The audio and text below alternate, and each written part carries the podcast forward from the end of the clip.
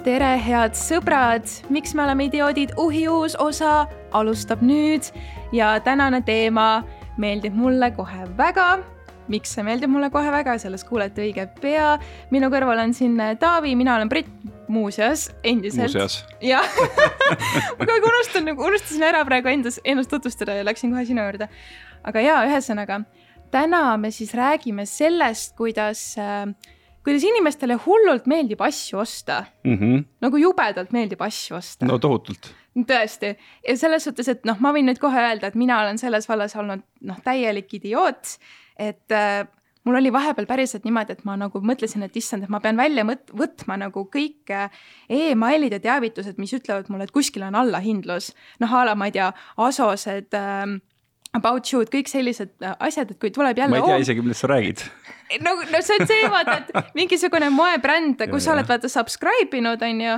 et nad saadavad sulle neid emaile, et oo, et meil on mingi allahindlus ja nüüd on lisaallahindlus, siis see oli nagu, see oli see hetk, et ma sain selle emaili ja ma tean, mul ei ole mitte midagi vaja aga ma ikkagi klikin ja ma lähen sinna vaatama ja siis ma paratamatult reeglina alati ka leidsin mingi asja, mis mulle meeldis ja siis on jälle see aga kas ma siis ostan selle, sest mul ei ole tegelikult seda vaja. ja ma mõtlesin, et ma pean need teavitused välja võtma, sest et mm -hmm. muidu läks nagu käest ära ja, ja vaata mina, mina nagu tunnetan, et minul ühel hetkel nagu kadus ära see soov midagi osta, täitsa nagu. vaata, ma näen praegu nagu eh, oma laste pealt ka seda, et noh, nende jaoks on hästi suur asi, et kui saab nagu midagi osta, eks mm. -hmm. ja ma mäletan ise ka lapsepõlves seda, siis ma mäletan oma teismeeast et see kuidagi tekkis selline hea tunne, kui sa said midagi osta, aga mul kuidagi kadus kahekümnendatel see ära, et nagu. väga huvitav. mul on just nagu see, vaata, et asjad äh, toovad mulle rõõmu ja uued riided toovad mulle rõõmu et ma kuidagi suutsin nagu lahti ühendada selle, et uued asjad ei tee mulle rõõmu, aga samas ma tajun, et, ähm, et teinekord isegi vaadatakse selle peale halvasti, kui sa, kui sa ütledki, et kuule, et, et mulle nagu ei tee need asjad rõõmu aga samas ma ei tea, ma ka mingis mõttes, meil on ka ju väga palju ka siukseid inimesi, kes just rõhutavad, et äh, pigem sihuke minimalistlik vaata lähenemine mm -hmm. elule ja sul ei ole vaja kõiki neid asju ja just äh, vähendada seda tohutut äh, tarbimist. nojah, tavaliselt öeldakse mulle selle peale, et issand, sa näeb enne kui kaltsakas järelikult sa oled vaene lihtsalt sa oled lihtsalt vaene. võib-olla tõesti jah, võib-olla tõesti jah. see on variant. jaa, aga meil on täna tulnud külla ütleme siis võib-olla inimene, kelle igapäevatöö on tegelikult suunatagi ju inimesi tarbima mõnes mõttes. meil on külas sisulooja Diana Noop, ühtlasi tuntud ka kui Diana Banana, kes, ähm, kuidas, kuidas sa ise ütleksid, et milline tarbija sina oled? tere esiteks um ma arvan, selline keskmine tarbija, et ma ikkagi mõtlen natukene oma ostud läbi, aga samas tuleb ka tihti ette selliseid emotsiooni osta mm. -hmm. mida sa ostad peamiselt emotsionaali, emotsiooni pealt siis? tead, sellised Aliekspressi odavad riidetehted ja see tundub nii väike summa, mida kulutada, et seda mm -hmm. otsust on siis nagu lihtsam teha, et sa võib-olla ei mõtle selle pärast nii palju mm. -hmm. aga kui sa juba mainid seda Aliekspressi, et äh, see on ju tegelikult noh, nagu sa ütlesid, hästi odavad asjad on mm -hmm, seal. just. et äh, kas, äh, kui tihti sul tuleb neid selliseid odavaid oste nagu ette? Päris palju, eriti nüüd, kui koroona algas, on ju, siis äh, me olimegi kodus kinni, kuskil käia ei saanud ja ma arvan, et mingil määral ma võib-olla leevendasin stressi sellega mm. -hmm. et lihtsalt ostsingi, et mul oli midagi, mida oodata ja, ja täpselt, vot see on see tunne, mis mulle ka meeldis hullult, et sa internetis tellid mm -hmm. ja siis sa niimoodi hakkad kohe akna, akna ääres umbes ootama, et millal mu pakike nüüd tuleb ja, ja siis, ja siis see pakike tuleb ja sul on nii hea tunne lihtsalt. no mina olen nii vana, et mina veel mäletan selliseid asju nagu hobihalli kataloog ja siukseid asju. sealt sai mänguasju ja... jõuludeks, ma mäletan ja, ja.. aga nendega oli niimoodi, et sa nagu tellisid ära, saatsid äh, selle kataloogi, noh, selle kaardi teed ära ja siis pärast pidid nagu maksma, kui need pakid tulid ja siis, kuna me elasime maal, siis, äh, siis me, mul, mul oli hästi tore naaber, selline kolmekümnendates naisterahvas, kellel ei olnud autot. Ja siis minu ema tavaliselt tõi talle postkontorist asju ja siis umbes iga nädal ta oli ilgelt vihane, et jälle tuli kurat sealt pakk, et ma pean jälle maksma. ühesõnaga tema nagu tegi need asjad ära ja siis, siis ta vist ei jäänud ootama, tema jaoks see tellimine nagu oligi see mõnu sellepärast, et siis, kui asi nagu kohale jõudis, siis tal oli meelest läinud, siis ta oli päris kuri.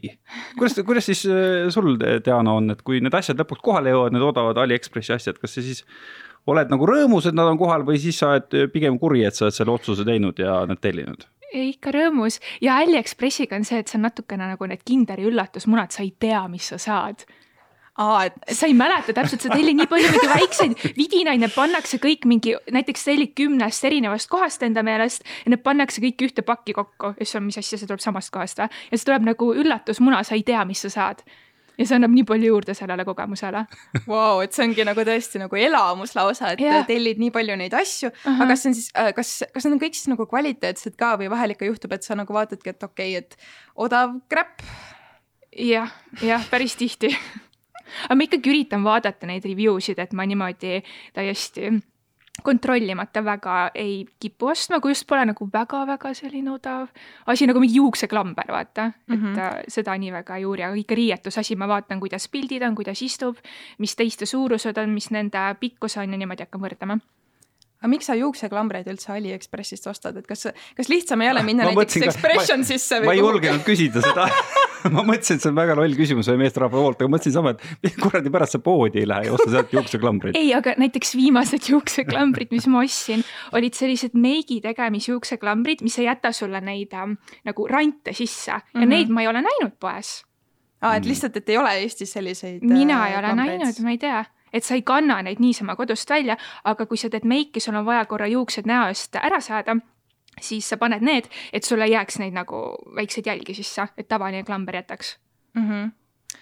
aga kui sa mõtled muidu võib-olla mingite siis selliste suuremate asjade peale, et noh, näiteks ma tean, et on väga palju selliseid inimesi, kes äh, noh, nad, neil on näiteks äh, uus mingi iPhone on ju, nad on jube happy'd selle iPhone'iga ja siis läheb natuke aega mööda ja siis aa, uus mudel ja nad jooksevad esimese asjana poodi, neil on vaja kiiremas korras see telefon välja vahetada. eelmine pole, eks ju, nagu praktiliselt äh, kasutusjälgigi pole peal Mm. et äh, kuida-, milline nagu sa ise oled, et kas sa pigem näiteks, kui on mingid siuksed kallid esemed, ma ei tea, tehnika on ju, et äh, kas sa kasutad nii kaua, kuni see asi lihtsalt füüsiliselt nagu laguneb äh, laiali või sa oledki pigem see, et ah, teeks äkki väikese uuenduse, võtaks uue mudeli ma arvan, pole kumbki ekstreemsus, et minu jaoks tehnikaasjad äh,, telefon on ikkagi töövahendid, et mul on väga oluline, et need ilusti töötaksid, et kaamera oleks kvaliteetne, suudaks konkureerida sellega, mis hetkel turul on. Ja siis on niimoodi läinud, et kuskil iga kahe aasta tagant äkki ma vahetan välja, aga uus iPhone tuleb vist iga aasta tagant. Ja umbes iga pooleteise aasta tagant, praegu mul täpselt hakkab see aeg kätte jõudma, hakkab vaikselt iPhone nagu otsad andma, et nagu äpid on erroris, kaamera jookseb kokku mingid sellised tehnilised vead mm. -hmm. et ma ei tea, kas see on mingi conspiracy või, aga kogu aeg juhtub niimoodi, et iga kahe aasta tagant ma olen sunnitud lihtsalt telefoni välja vahetama.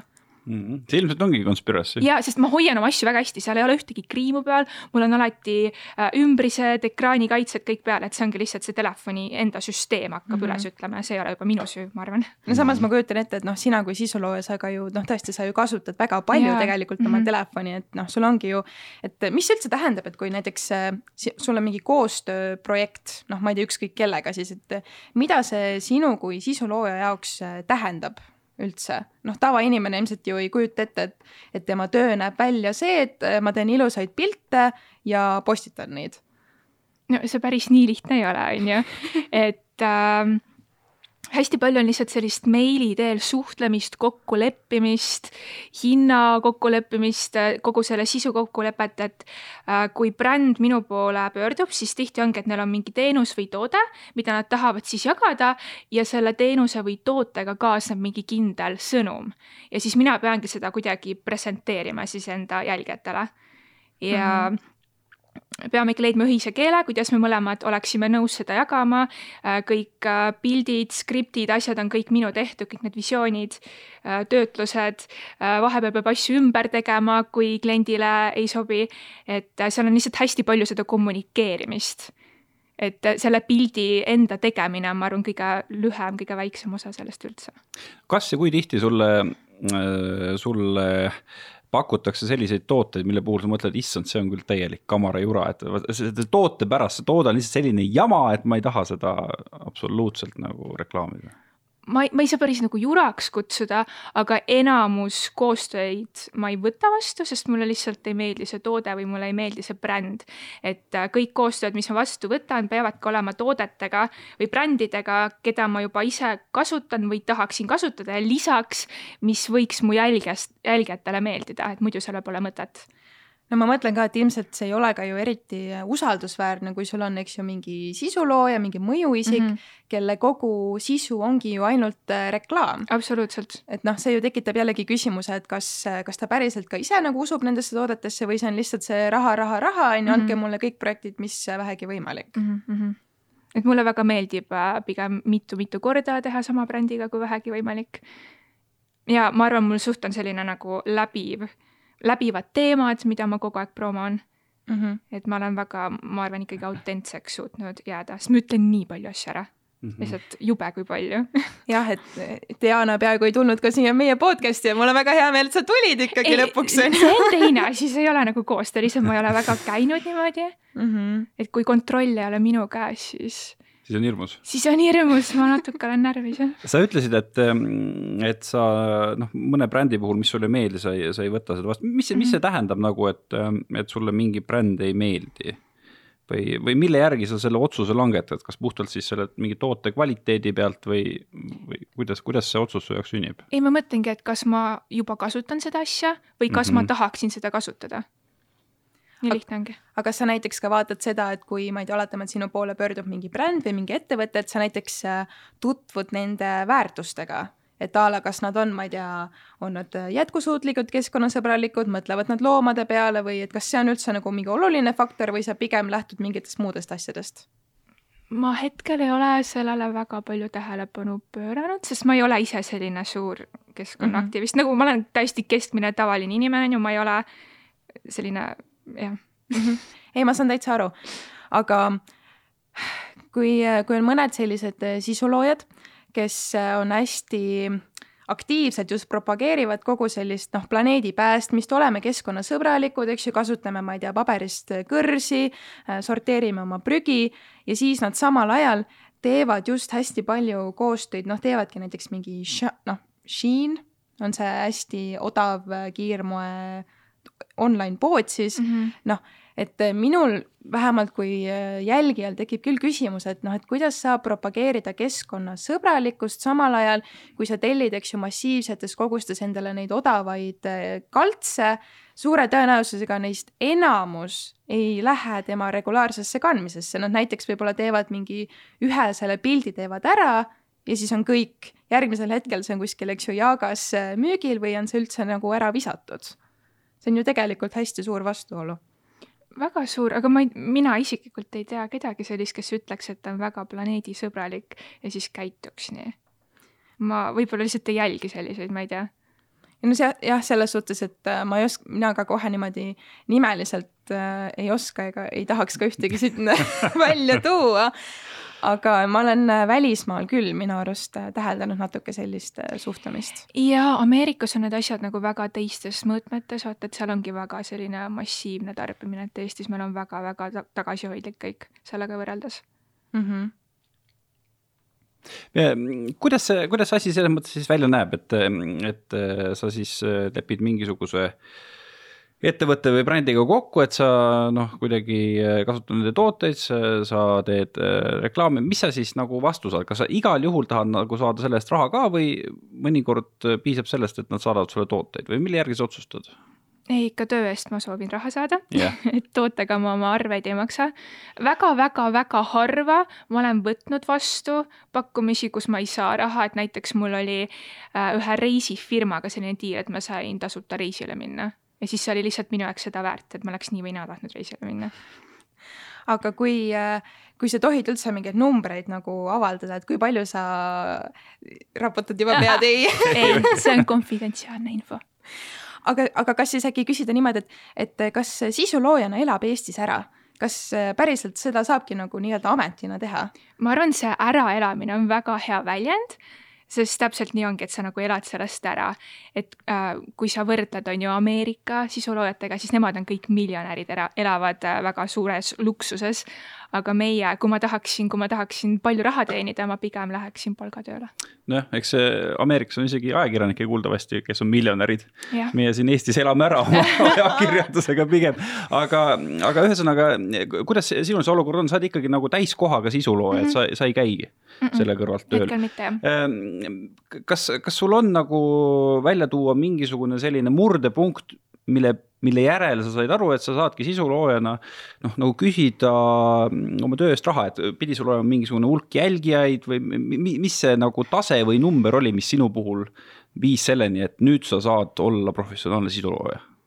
ega ma ei teadnudki, ma lihtsalt testisin, et kui ma alustasin Youtube'iga, ma olin veel koolis ja kooli kõrvalt noh, niikuinii vaata noh, ei olnud aega tööl käia, et ma olin äh, jah, hommikust õhtuni koolis ja kui kool läbi sai, siis oligi lihtsalt, et ma võtsin kätte ja proovisin ja ma tegin enda firma. mm. -hmm. ja ma läksin agentuuri alt ära, tegin enda firma ja läks hästi. jopas ära. tasus ära. aga noh, mõtleme siis, et kui ongi, eks ju, sa oled sisulooja, sinu töö ongi noh, põhimõtteliselt inimestele ju neid äh, tooteid ja teenuseid siis äh, reklaamida.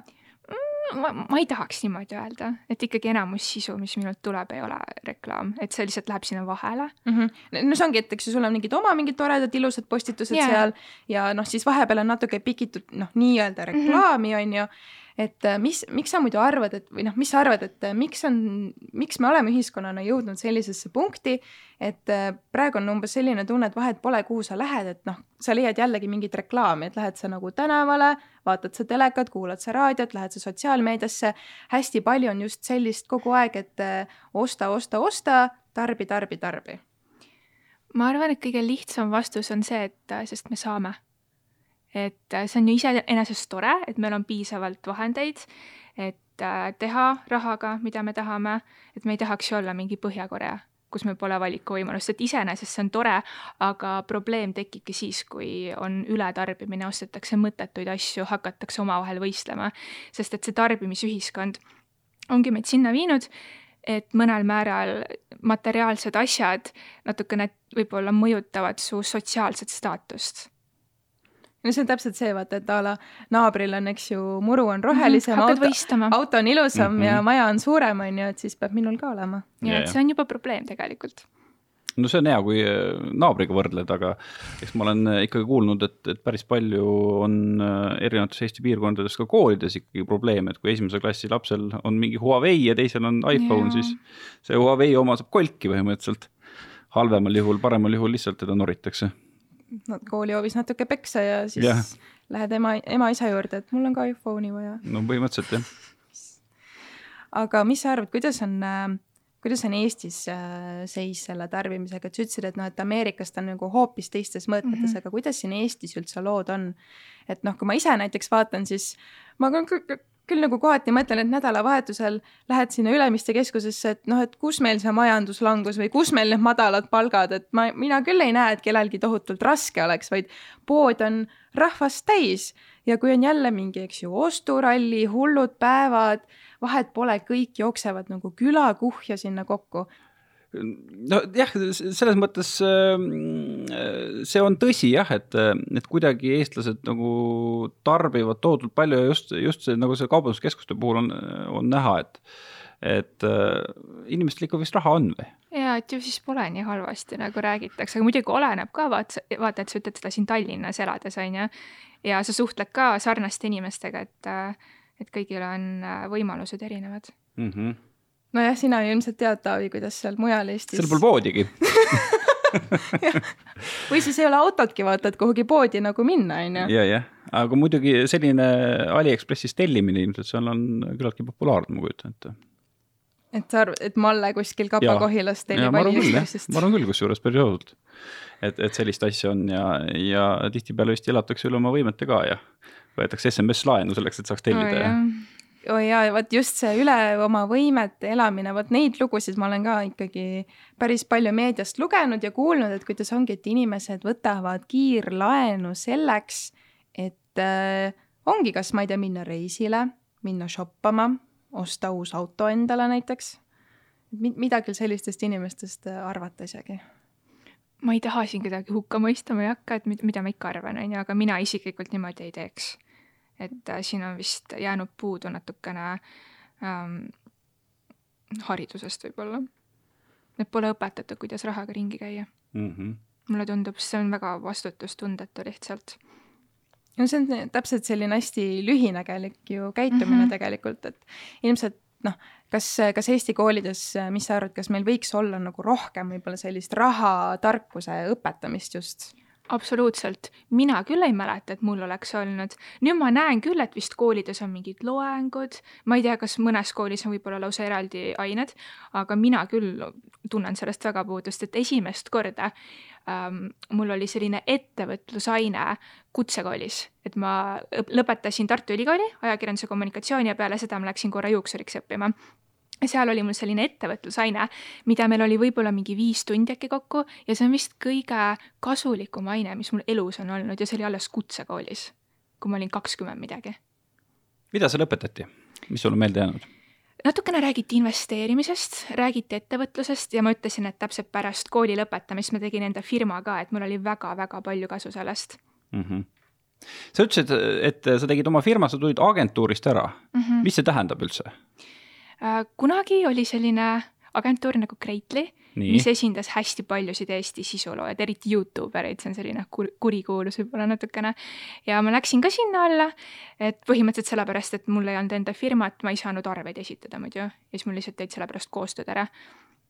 ja nad võtsid sealt oma protsendi vahelt, aitasid meid koostöödega, kui vaja. et selline roll oli neil. aga mis sellest Greatlist siis tänaseks saanud on? minu meelest nad enam ei tegutse oota, ma, ma olen nüüd natuke sellest teemast eemal, mis, mis neist siis kurikuulsat oli? ma ei tea, millegipärast noh, lapsed mingi rääkisid, et aa, Youtube erid on ära ostetud ja Kreitl on kõiges süüdi. selline ah, okay, ja selline lapsik nagu. okei okay., et nad olid siis nagu vahelüli põhimõtteliselt? ja, ja ei midagi halba. aga ma saan aru siis, et sinul ei olnud väga palju kasu sellest vahelülist, et sul oli ikkagi mõttekam äh, ise, ise organiseerida. alati on mõttekam ise, aga alguses mul oli nendest väga palju abi, sellepärast et äh, ma ei julgenud kohe enda firmat teha. ma ju ei teadnud, mida see täpselt tähendab ja ma väga palju õppisin ka, kuidas see äri käib nende pealt ja ma nägin, nägin, kuidas nemad klientidega suhtlesid, mis need hinnad umbes on ja nii edasi. ma õppisin mm. sealt väga-väga palju. kui äh, sa ütled, et sa oled täiskohaga sisulooja, et kas sa kirjeldaksid äh, noh, mulle kui selline a la üheksast viieni, eks ju, kontoriinimene, et milline sinu üks niisugune tavaline päev välja näeb? see on väga erinev ja ma olen ennekõike Youtuber, et ma arvan, selle poolest erineb minu päev sellisest tavalisest Instagrami sisuloest, et ma jagangi ennast äh, Youtube'i ja siis äh, koostööprojektide vahel, mis on enamasti Instagramis. et Youtube'i jaoks, äh, kui on filmimispäev, ma tava, tavaliselt filmin hommikust õhtuni või on mingid tegevused, mis sellega kaasnevad hommikust õhtuni. vahepeal filmin mitu päeva, kui ma vlogin ja siis ma hakkan seda materjali töötlema. sellega läheb mitu-mitu päeva ja koostöödega jällegi enamuse ajast ma lihtsalt istun arvuti taga, on need läbirääkimised, töötlen asju, postitan asju, et hästi palju on arvutis olemist, et polegi võib-olla nii palju erinev sinu üheksast viieni tööst, et ma lihtsalt vahepeal olen õhtul viiest kuni öösel üheni lihtsalt arvuti taga, et ma saan valida, millal ma seda tööd teen aga on siis mingid sellised päevad ka, kus sa, kus sa kohe teadlikult mõtled, et ei, nüüd täna ma ei tee tööd. no ma ei tea, nädalavahetused või äkki on sul mingi muu rutiin? mulle meeldib tavaliselt esmaspäevad vabaks võtta, see on nii mõnus, et ma võin vabalt mingi laupäev, pühapäev töötada, aga kui esmaspäeval on ilus ilm, siis ma lähen sada protsenti koeraga jalutama. terve päev kuskile pikalt, sõidame mm. kuskile Eesti teise otsa lähme. nii et siis see sisulooja ja Youtuberi noh, selline äh, töö ja igapäev ei olegi eriti glamuurne, et pigem ongi hästi palju sellist nii-öelda. arvutitööd lihtsalt mm -hmm. ja monteerid, vastad meilidele, planeerid. aga kuidas sa noh, mõtlen, et okei okay,, Youtube Youtube'iks, eks ju, sinna sa teedki neid äh, hästi neid, eks ju, ausaid videosid, siis mm -hmm. täpselt sellest noh, millised su päevad välja näevad. aga Instagram näiteks, et kui palju sa seal võib-olla jagad sellist nagu nii-öelda siis igapäeva tava mingeid äh, asju? Ma arvan, et Instagram pole üleüldse selline platvorm, kus väga sellist igapäevatavalisi asju jagatakse, et isegi mitte minu enda isiklikul kogemusel, vaid üleüldse, et seda ei kasutata niimoodi, et olgem ausad, Instagram on pigem, Instagrami feed on pigem pildid sinu näo parimast küljest. et see on kõigil niimoodi et võib-olla story des ma natukene rohkem jagan seda nagu päriselu, aga samas ka mitte liiga palju. et ikka neid huvitavamaid asju ja mitte selleks, et iseennast huvitavamaks teha, vaid lihtsalt selleks, et mu jälgijatel igav poleks. et keegi ei viitsi sellist halamist kuulata seal, et oo oh,, mul on kurb praegu mm, -hmm. kedagi ei huvita Ehm, noh, ajakirjanikuna mina, kui ma teen saateid ükskõik kas raadios või teles, siis ma ikka nagu puutun kokku sellega, et ma tean, et et on võttepäev järgmisel päeval, ülejärgmisel päeval ja ei ole lihtsalt teemat, et sa pead nagu välja mõtlema midagi põnevat, on ju, või kellegagi kokku leppima, et kuidas siis sul on, et kui sa vlogid nagu oma elu mm, -hmm. kas sa mõnikord nagu äh, tajud ka seda, et, et issand jumal, et mul ei, mul ei ole nagu midagi põnevat teha, midagi nagu näidata ja siis natuke on stress selle pärast. ja, ja, ja nüüd viimasel ajal ma olen pigem valinud selle, et ma siis lihtsalt ei postita, et ma pigem mm -hmm. postitan vähem ja paremat sisu, kui et lihtsalt mingit jama välja ajada et vahepeal ma küll ajasin seda taga, et ma olen lubanud, sellel päeval pean postitama elu eest lihtsalt ükskõik, mis ka ei tuleks, ma pean lihtsalt postitama, aga praegu ma pigem postitan vähem, kui et seda, millega ma rahul ei ole, pärast privaatseks panen. nagu et selline äh, kvaliteet siis üle kvantiteedi ja,? jah, jah aga kas, kas sul on e-, eales ka keegi näiteks on, ma ei tea, öelnud või ette heitnud, et aa, et, et kogu, ma ei tea, su Instagram on nii ilus, nii täiuslik, et sa jätad oma elust nii hea mulje, miks sa neid, ma ei tea, halbu asju ei jaga näiteks? ei, ma ei usu, et kellelgi on vajadus mingi halbade, koledate piltide järele. ma arvan, keegi isegi ei mõtle selle peale, ma arvan, see ongi see osa, mis lihtsalt kellelegi korda ei lähe, kedagi ei huvita, keegi ei viitsi mm -hmm. vaadata, on ju? vist jah äh, äh, ja ikkagi vist inimesed nagu Instagramis tahavad, kui on naise konto, siis nad tahavad näha tõesti seda naise ilusat pilti yeah. või üleüldse naise pilti. sa tahad olla nagu inspire-, noh, mina naisena tahan yeah. olla inspireeritud teistest mm, -hmm. et imetledagi teisi inimesi, saada ise inspiratsiooni, et muidugi nagu noh, ei tasu ennast väga kaugeks jätta, et ikkagi näidata oma inimlikkust, aga Instagrami feed üldjuhul lihtsalt pole see koht, on ju vist Kristel Aaslaid tegi mingisuguse eksperimendi ühel hetkel, et ta oma Instagramis noh, ta vahepeal tegi postitusi ka oma muusika tegemise kohta ja millegi kohta, mis ta nagu mõtleb, et mis, mis võiks nagu elus olla parem ja. ja siis ta vaatas, et ei ole väga palju likee ja siis ta tegi, tegi nagu päris testi, et pani endast paar koledat pilti ja siis need said ka rohkem likee kui sai rohkem likee kui need mingisugused olulised asjad, millele ta tahtis Instagramis tähelepanu pöörata. siis ta sai väga hästi aru, et Instagram on ikkagi puhtalt see, et inimesed tahavad näha naise pilte, naise pilte ja like ida seda ei, tuleb anda, mida nad tahavad, et jah, et selleks on teised platvormid, et näidata päris elu, et minu jaoks on see näiteks Youtube või siis Insta story'd, vaata mm. -hmm. Mm -hmm. aga mis sa, mis sa arvad, et kui kaua sa üldse seda Youtube'i niimoodi tööna teed? Et noh, kas sa kujutad näiteks ette, et sa oled, ma ei tea, nelikümmend pluss ja teed endiselt, eks ju, vloge või sa ühel hetkel ka tahad midagi muud teha? ma ei tea, seal on raske vastata, sest ma ei kujuta ennast üleüldse neljakümne aastasena jutupiselt, ma ei tea. aga samas ma ei kujuta ka seda ette, et ma üldse ei teeks videoid, sest et mina alustasin videote tegemist, kui ma olin mingi üksteist, kaksteist. Mhm. ma kohe ei postita neid Youtube'i, aga lihtsalt mulle meeldis videoid monteerida, ma tegin mingi muusikavideoid, selliseid asju, et see on lihtsalt minu hobi olnud alati. ja see on nagu, mida ma olen lihtsalt teinud kogu aeg pärast kooli oma vabal ajal. ma nagu ei oska teistmoodi, see on minu, minu nagu loominguline väljund, ma ütleks mm. -hmm nojah, ma kujutan ette, et idee poolest võib-olla, võib-olla lihtsalt vanusega mingid teemad muutuvad, et ja, tulevad sellised pereteemad juurde ja. või just, et äkki kui ma tunnen, et ma ei taha enam enda elu nii palju jagada, siis ma ei pea enam enda elu jagama yeah.. ja ma võin teha ka videoid teistel teemadel, mitte ainult iseendast. kes on võib-olla mõned sellised äh, sisuloojad, Youtube erid, kes sulle endale hästi meeldivad, keda sa ise jälgid? Kas Eestis või välismaal või? vahet pole mm,. mulle väga meeldib, meeldivad Maria vlogid näiteks ja Maria podcast, ta just alustas uue podcast'iga meile, vaatasin esimest episoodi, et tema on hästi tubli ja teeb sellist kvaliteetset sisu, Victoria Villig Eestis äh,, Marti Hallik ja välismaalt, ma ei teagi, muutuvad kogu aeg ja muidu mulle näiteks meeldis Emma Chamberlain, aga ta pole pikalt postitanud nüüd mm. -hmm. kes see Emma Chamberlain on, mis ta teeb? ta on ka selline vlogger, kes jagab oma igapäevaelu, ta on hästi-hästi autentne, aga ta videod on hästi mm, omapäraselt äh, monteeritud, et see teeb kõik hästi põnevaks. ja ta on hästi populaarseks saanud äh, ka moemaailmas et tal on Mhm. väga hea stiil ja ta on selline inspireeriv, aga samas väga autentne. aga kuidas sa ütleksid, et äh, need sisuloojad Eestis ja noh, niisugused suunamudijad ja nii, et äh, kui palju on Eestis sellist nagu ikkagi mõnes mõttes noh, seda reklaamimist ja noh, et, et kas, kas Eestis on nagu see, et sisuloojad peamiselt ikkagi noh, keskenduvadki selle sisu loomisele või on ka ikkagi see reklaami osakaal muutunud äh, suuremaks aja jooksul? mm,? Need, keda mina jälgin, siis nemad ikkagi keskenduvad sisu loomisele, et äh, need koostööd on pigem teisejärgulised, sest et ma vist ei viitsiks kedagi sellist jälgida, kes ainult reklaami postitaks. kindlasti neid on olemas, aga ma lihtsalt isiklikult ei jälgi neid, Mm -hmm. jah. Aga, aga kas sa näiteks äh, oma näite põhjalt saad öelda, et äh, noh, kui sa teed võib-olla mingi niisuguse koostöö või noh, reklaami, eks ju, kellelegi mingile tootele, et kuidas su fännid siis tavaliselt sellele reageerivad, et kas nad siis lähevad ja ostavad seda toodet või et äh, kui, kui, kui tõhus see nagu reklaam siis on üldse? ma arvan, et küllaltki tõhus, et ma ikkagi valin alati, ma ütlen selle järgi, et mis mulle isiklikult meeldib, mida ma ise kasutan ja ma mõtlen ka selle peale, et kuidas see võiks minu jälgijatele peale minna mm. -hmm. Aga kes, kes su peamised jälgijad on, mis vanuses?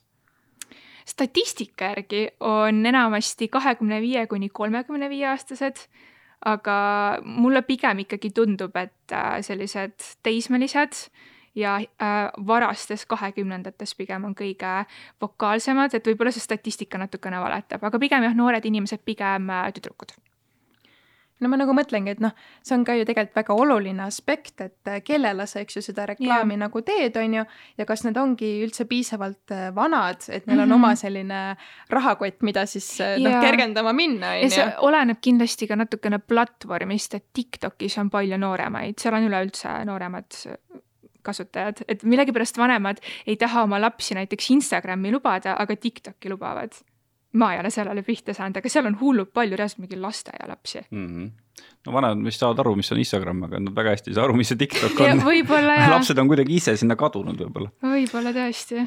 no Eestis on ju, on ju niimoodi, et on ju tõesti sellised professionaalsed sisuloojad, aga siis on lihtsalt meil sellised avaliku elu tegelased mm, -hmm. kellega tehakse ka päris palju koostöösid ja kes võib-olla mm, kasvõi oma feed'i peale feed'i tehes Instagramis ei mõtle selle peale, et seal ikkagi võiks olla nagu tavasisu ja siis võiks olla noh, sellised reklaampostitused vahel, et mul tuleb mingi, mingil hetkel nagu Tanel Padari puhul mulle lihtsalt tundus, et Instagramis iga kuradi tema postitus oli mingi iPhone'i värk on ju.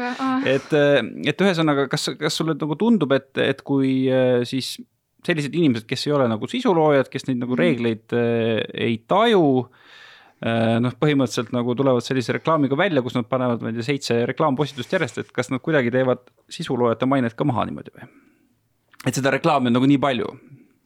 ma ei tea, ma arvan, see ikka täiesti erinev teema, et ma arvan, et mind ei panda Tanel Padariga ühte patta, mis võib-olla oleks, võib-olla oleks lahe, kui pannaks, ma tahaks ka nagu Tanel Padar olla. ei, ma ei usu, ma ei usu, ma arvan, et see on erinev teema. ei, see on tegelikult hästi huvitav. ja ma ei ole ise seda tähele pannud aga ma ei jälgi ka Tanel Padarit yeah.. ma just mõtlen, et me oleme ilmselt vaata, võib-olla sa oled vanem oh, inimene. ja, ja, ja, ja ma mõtlengi, et võib-olla, et võib-olla asi on nagu Tanel Padari vanuses, et võib-olla sellepärast ei saa neist aru, et, et nooremad lauljad ma ei ole tähele pannud, et niimoodi käituks. et võib-olla on pigem ju vanuses asi, mitte sinu elukutses.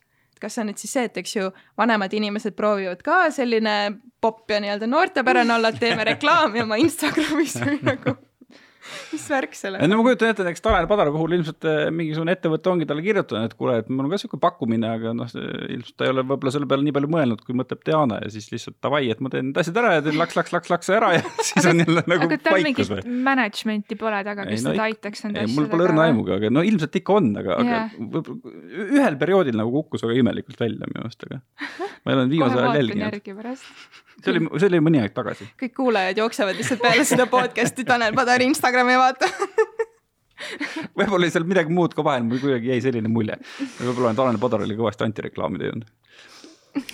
aga kuidas sa ise näiteks sellist üldse reklaamsisu tarbid või et noh, see Aliekspress, eks ju, see on nagu sihuke sul koht, kuhu sa juba teadlikult mm -hmm. lähed, aga kui tihti sul on näiteks seda, et sul jookseb, ma ei tea, kuskil Facebookis, Instagramis, Youtube'is mingi reklaam ette ja sa näiteks reaalselt lähed ja uurid selle toote kohta või isegi ostad midagi endale sest uurimist tuleb küll kogu aeg, ma lihtsalt kogu aeg klikin peale, aga ostan pigem harva.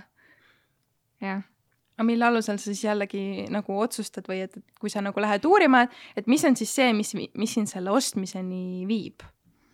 võib-olla ma mõtlengi, kas mul on seda asja vaja, mm. -hmm. et ma ikkagi üritan mitte üle tarbida. eriti nüüd, kui mõelda, mis siin viimasel ajal maailmas toimub, on ju, et see on väga-väga minu tarbimisharjumusi ausalt öeldes muutnud. Et enne ma tegin kergekäelisemalt selliseid oste. aga päris ausalt kohe jah? ja, ja ma võin mingi kurva loo siia rääkida, kui te nii tahate., ikka. muidugi räägi. okei okay,, nii, sõda algas ja ma nutsin. ja keegi on ju ei teadnud, mis saab ja ma olin, ma olen alati hullult dramaatiline ka olnud, et kui ma olin pisem, siis oli mingi seagripp, linnugripp, iga kord ma nutsin, mõtlesin, ma suren ära, onju, aga nüüd on see tõenäosus suurem, on ju, kui linnugrippi surra. igal juhul oli jälle üks nendest päevadest, kui ma nutsin ja ma olin enda garderoobis, istusin maha, vaatasin oma riideid ja siis mõtlesin, et kui ma praegu peaks oma asjad kõik kohvrisse pakkima, enamus isegi ei mahuks ja paljud asjad, mis maha jääks, oleks asjad, mida ma pole isegi kunagi kandnud ja see tundus lihtsalt nii mõttetu. lihtsalt täiesti mõttetu.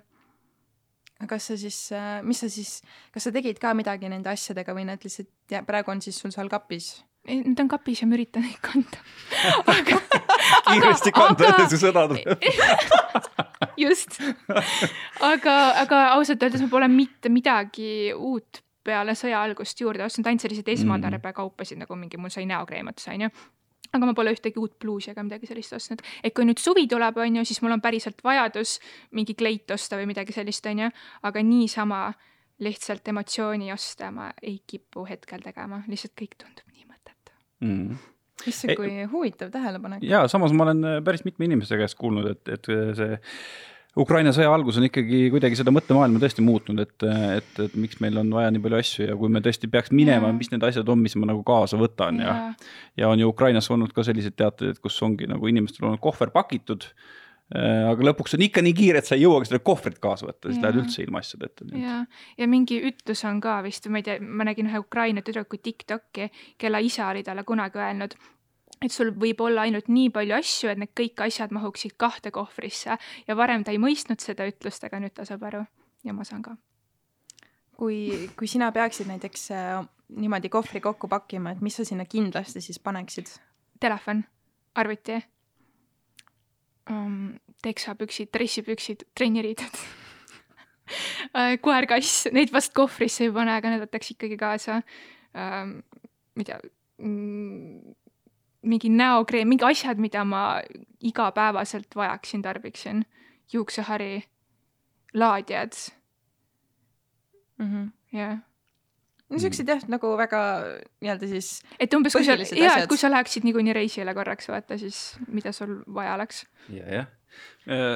mis sa lisaks omalt poolt hmm, ah,. dokumendid, ja dokumendid Jah. jah? jah, dokumendid, no tõesti ilmselt jah, mingid kommunikatsioonivahendid on ju, telefon, laadijad kindlasti, noh, mingisugused riided, mida sa saad lihtsalt rotateeruda siis mm. -hmm. nii-öelda.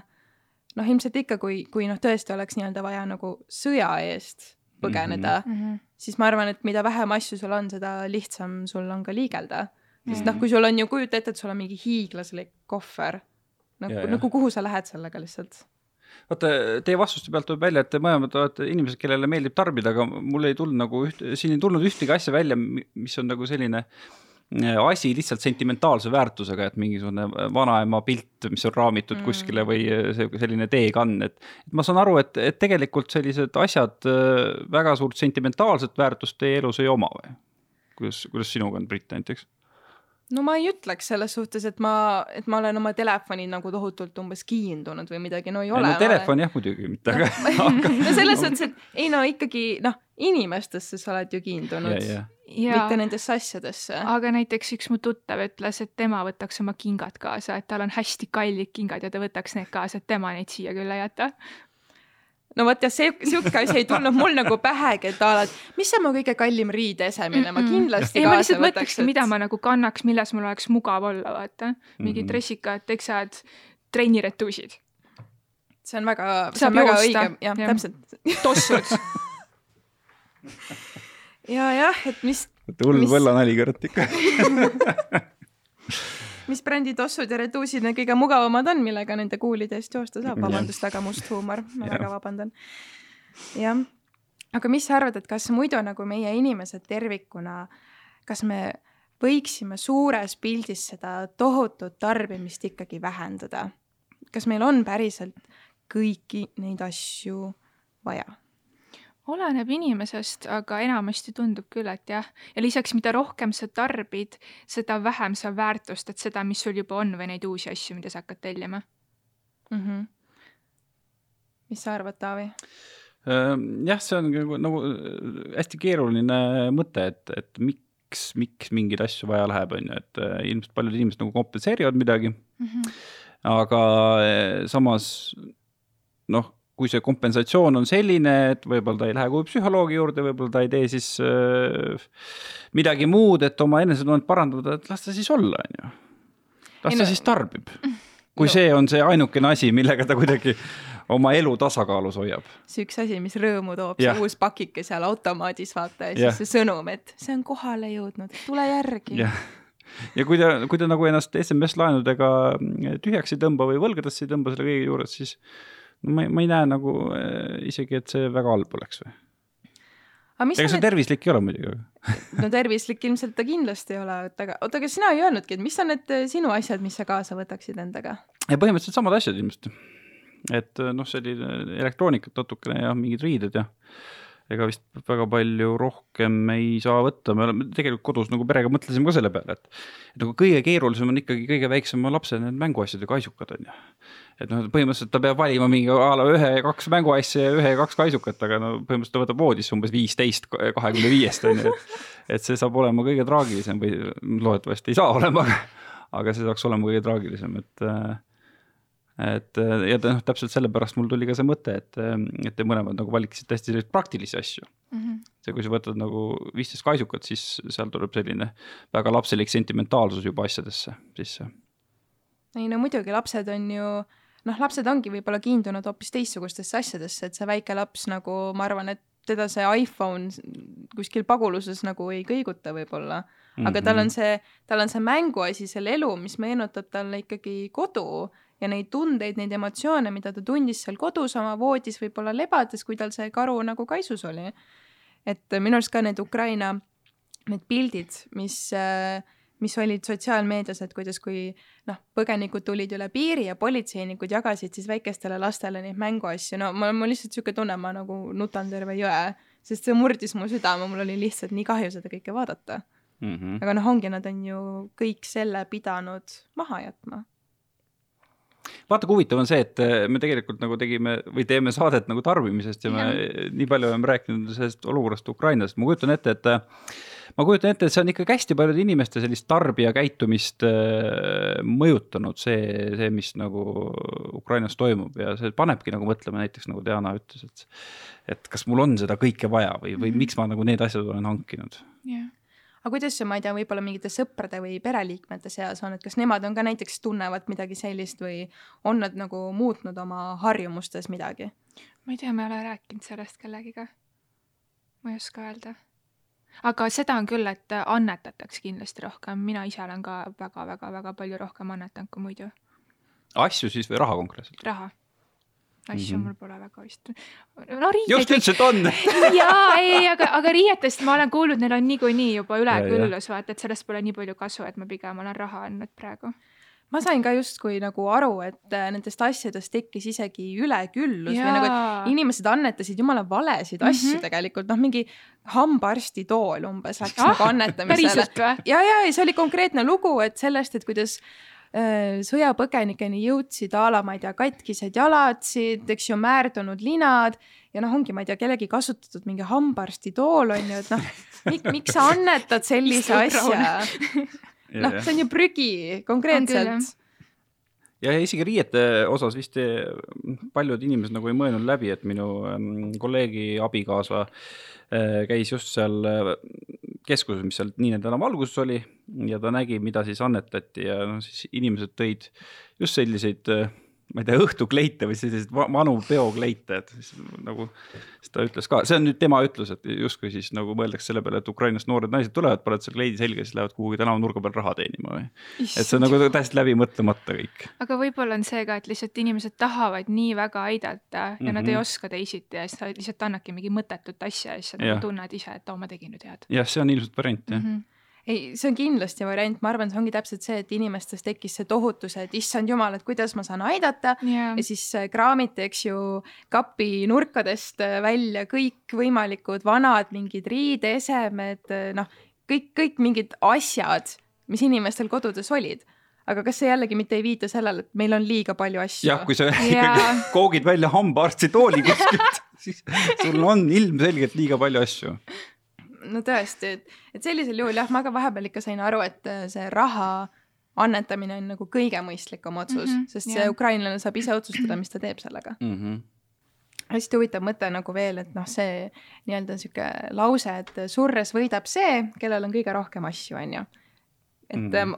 ma olen, ma olen seda lauset nagu elu jooksul natuke noh, niimoodi naljavõtmes nagu kuulnud, aga mul on tunne, et mõnel inimesel see ongi nagu see elu moto, vaata, et, et äh, kuhjatakse hästi palju asju endale kokku.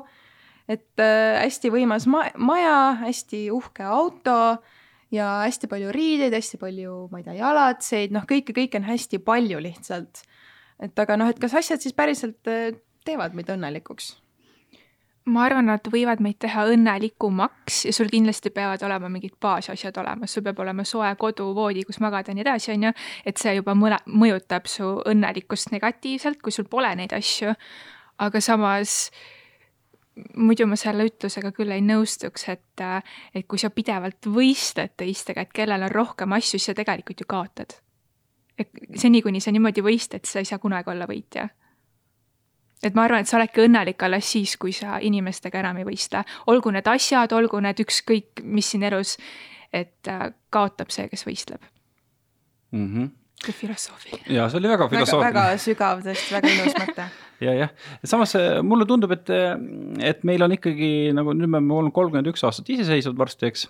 et meil on ikkagi nagu tekkinud selline ühiskondlik kihistumine ka, et kui sa, kui sa oled nagu äh, noh, meil on üles kasvanud mingisugune seltskond, kes on nagu noh, rikaste inimeste last, lapsed ja vot mina arvan, et, et seal on ikkagi päris keeruline, kui sa, kui sa nagu teadlikult võtad selle joone, et mul ei ole vaja mingeid asju, et mul ei ole vaja seda rikkust ja kõike muud et, et, et seal mingisugune võistlemine käib.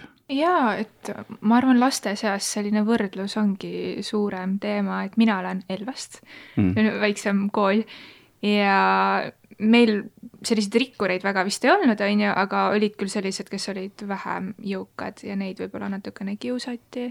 et klassi üks tüdruk, keda kiusati, oligi selline, kellel oli igaks pildistamiseks üks peopluus ja siis sellepärast teda kiusatigi. issand, kui kurb muidugi see on. Mm -hmm. no ma kujutan ette, et, et sellistest inimestest, kes ongi nagu siis selle esimese Eesti nagu rikaste laine lapsed, no ilmselt nagu mingisugune osa neist kasvavad, kasvavad suureks, saavad aru, et noh, sellel, sellel mingisugusel alavääristamisel pole mingit põhjust, aga, aga ilmselt teatud seltskond seal ongi selline, kes äh, ei ole kunagi elus pidanud millestki puudust tundma ja, ja kellel selline ülbe hoiak jääb võib-olla siis elu lõpuni ja ongi sellised Eesti esimesed uusrikkad, esimese laine uusrikkad. kes äh, ilmselt võistlevad elu lõpuni omavahel, et kellel on kõige rohkem asju Mm, see on kurb ju. Diana, mis sinu äh, sugulased äh, ja selline laiem perering arvab sellest, et, et sa teed sellist moodsat asja, et sa oled nagu sisulooja, mida noh, vähem kui kümme aastat tagasi sellist asja ei olnud olemaski põhimõtteliselt. no ma olen vanematele ja vanaemale selgitanud, et see on põhimõtteliselt nagu telekas, aga see on internetis, jah, et nad aru saaksid.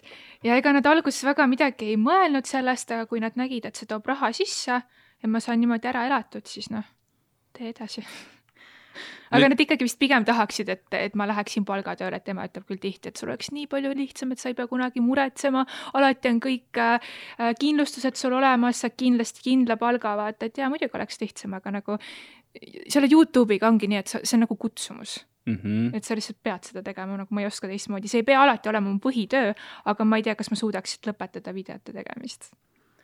Ja ma just mõtlen jah, et, et väga palju on ju tegelikult sisuloojate suunas seda suhtumist, et ah, see küll mingi päris töö ei ole ja no et umbes, et kas nad siis ei oska mitte midagi teha oma eluga, et hakkasid nagu sisuloojateks, et Mm. väga palju on ju tegelikult sellist eh, suhtumist. tead, kõige lihtsam töö, okei okay,, ma olin praktikant, aga kõige lihtsam töö, mis mul kunagi olnud oli, ongi selline, oligi selline ähm, administratiivne töö, ma lihtsalt sisestasin andmeid, võtsin telefonikõnesid vastu ja see oli nii chill, nagu vahepeal tulid need asjad, mida ma pidin sisestama, tegin selle ära, ülejäänud ajast lihtsalt chillin.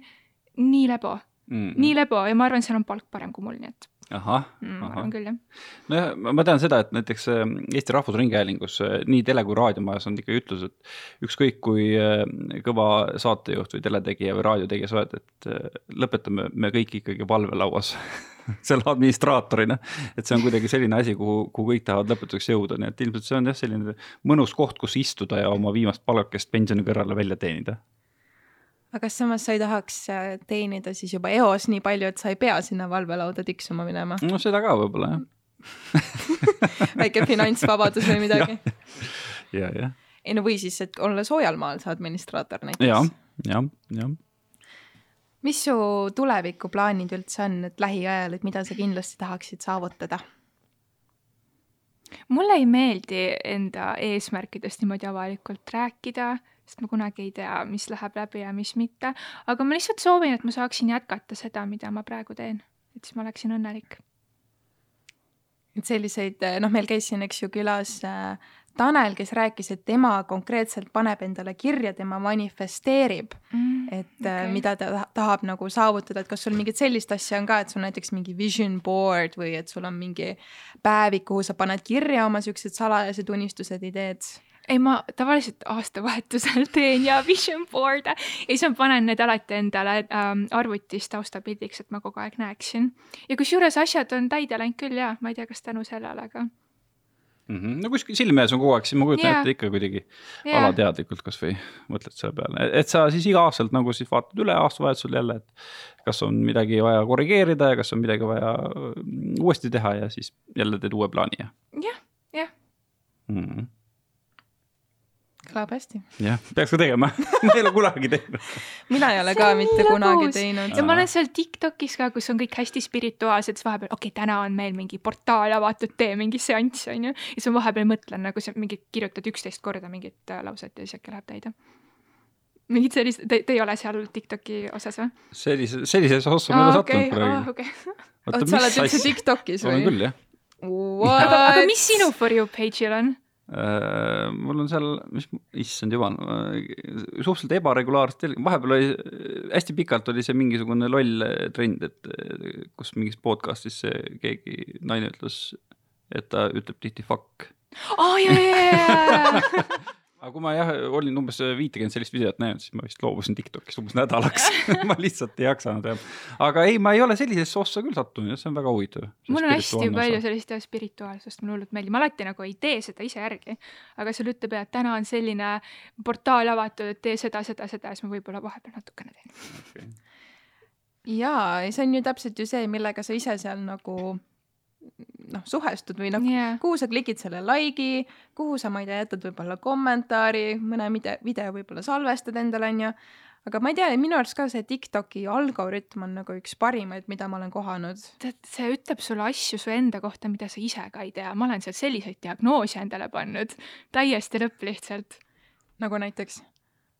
ma ei taha avalikult öelda. parem oleks, ma ei hakka praegu ütlema.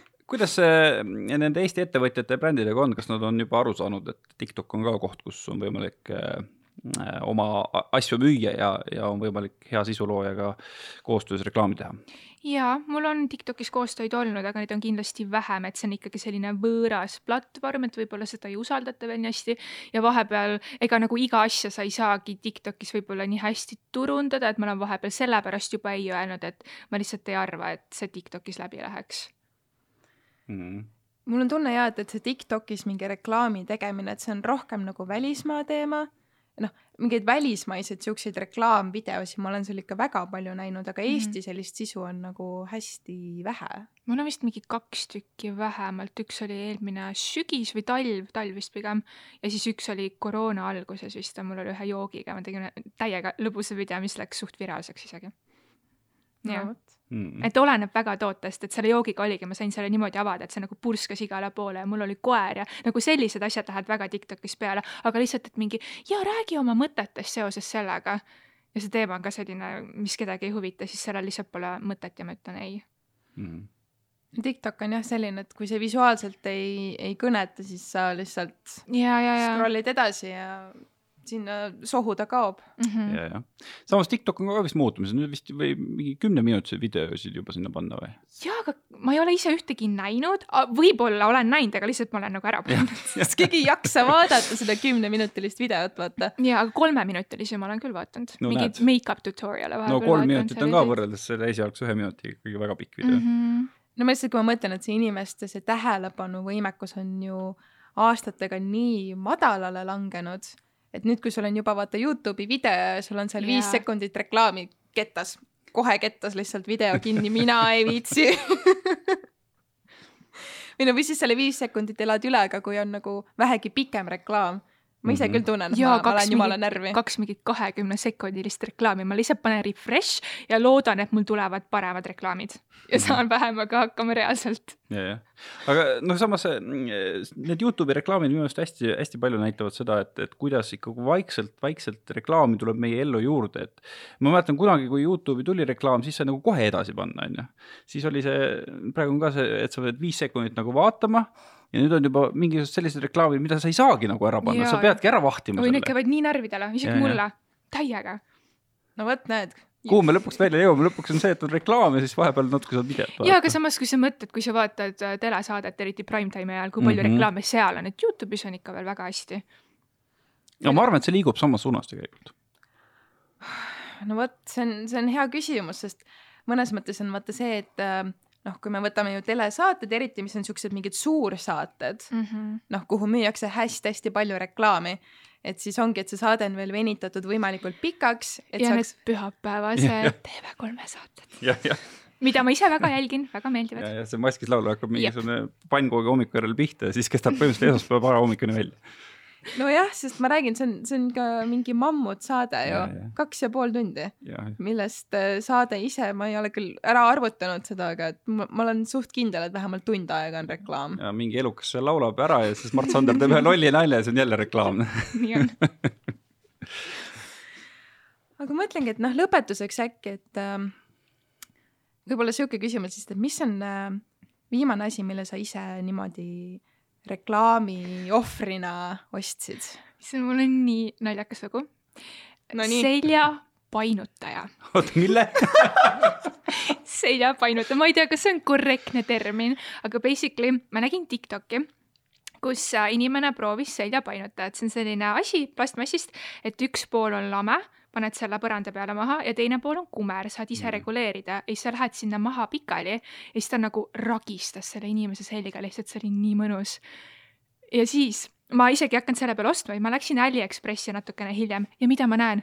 seljapainutaja saatus või muidugi võib-olla see, et Hiina lihtsalt luurab mind läbi TikToki Aliekspressi. ei, see oli saatus, see oli saatus. Tellisin ära, tuli kohale ja ma panin selle veel kõige-kõige kumeramaks, et ma selle raksu kätte sain, saaksin. ma ei saanud seda raksu kätte, võib-olla hea ongi. ja jah, see natukene venitas, aga sama hästi ma oleks võinud teha silda Mm. ja ma lasin elukaaslasel ka proovida, tal ka raksu ei tulnud, ma panin selle kappi ära ja sinna ta jäi. ehk siis äh, ehk siis hambaarsitooli kõrvale ukrainlastele. teine kõige mõttetum asi. seljapainutaja, issand jumal. aga aa ja kusjuures vaata, ma vaatasin neid küsimusi üle onju eile ja mis Tiktokis mul jälle ette tuli, seina, seljapainutaja jälle, ja ma pole ühtegi Tiktoki videot seljapainutajast rohkem näinud ja nii kui ma sellest rääkisin, eile kirjutasin läbi, siis mulle tuli seljapainutaja uuesti Tiktokis ette. ma reaalselt arvan, et luuravad mind. mm. -hmm. see on see suur vandenõuteooria. ja, ja ega ta nii on selles suhtes, et kuskil korra näed või, või räägid, onju, tänaval niimoodi no, lihtsalt jutu käigus ja siis on kõik reklaamid nüüd, ainult nüüd saime sellest. siis teada, mis oli Vladimir Putini ja äh, Xi Jinpingi kohtumise äh, teema, ühesõnaga, et Diana Banana vaatas Tiktokis seljapainutajat ja kindlasti me peame talle ette viskama selle Tiktokis. et ta selle jumala eest ostaks. just, ja läks õnneks. saatus. kuule, aga suur aitäh sulle, Diana, et sa tulid meie podcast'i, väga Aitäh. hea meel, et sa siin käisid ja jah, siis ongi vist. jah, mis me siis ütleme, et ühesõnaga katsuge natuke vähem osta, aga, aga kui te olete õnnelikud ja te ei ole võlgades ja, ja te ikka väga tahate osta, siis ostke, jah, et äh, mina ostad. jah, jätkan ostmist selles suhtes, et Ja, ja. ei, tegelikult ega ise ka, ma olen ju ka ikkagi väga palju seda nagu tagasi tõmmanud ja ma tõesti, tõesti distsiplineerin ennast, et ma füüsiliselt ei luba endal poodi minna, sest ma tean, et ma leian sealt midagi, mida ma tahan. Mhm. jah, et äh, ma annan endast parima, ei ole kindlasti ideaalne, aga eks näis. jah, ja kui seljapainutajat tahate, siis äh, Diana käest. mul on üks üle jah. aitäh ja järgmise korrani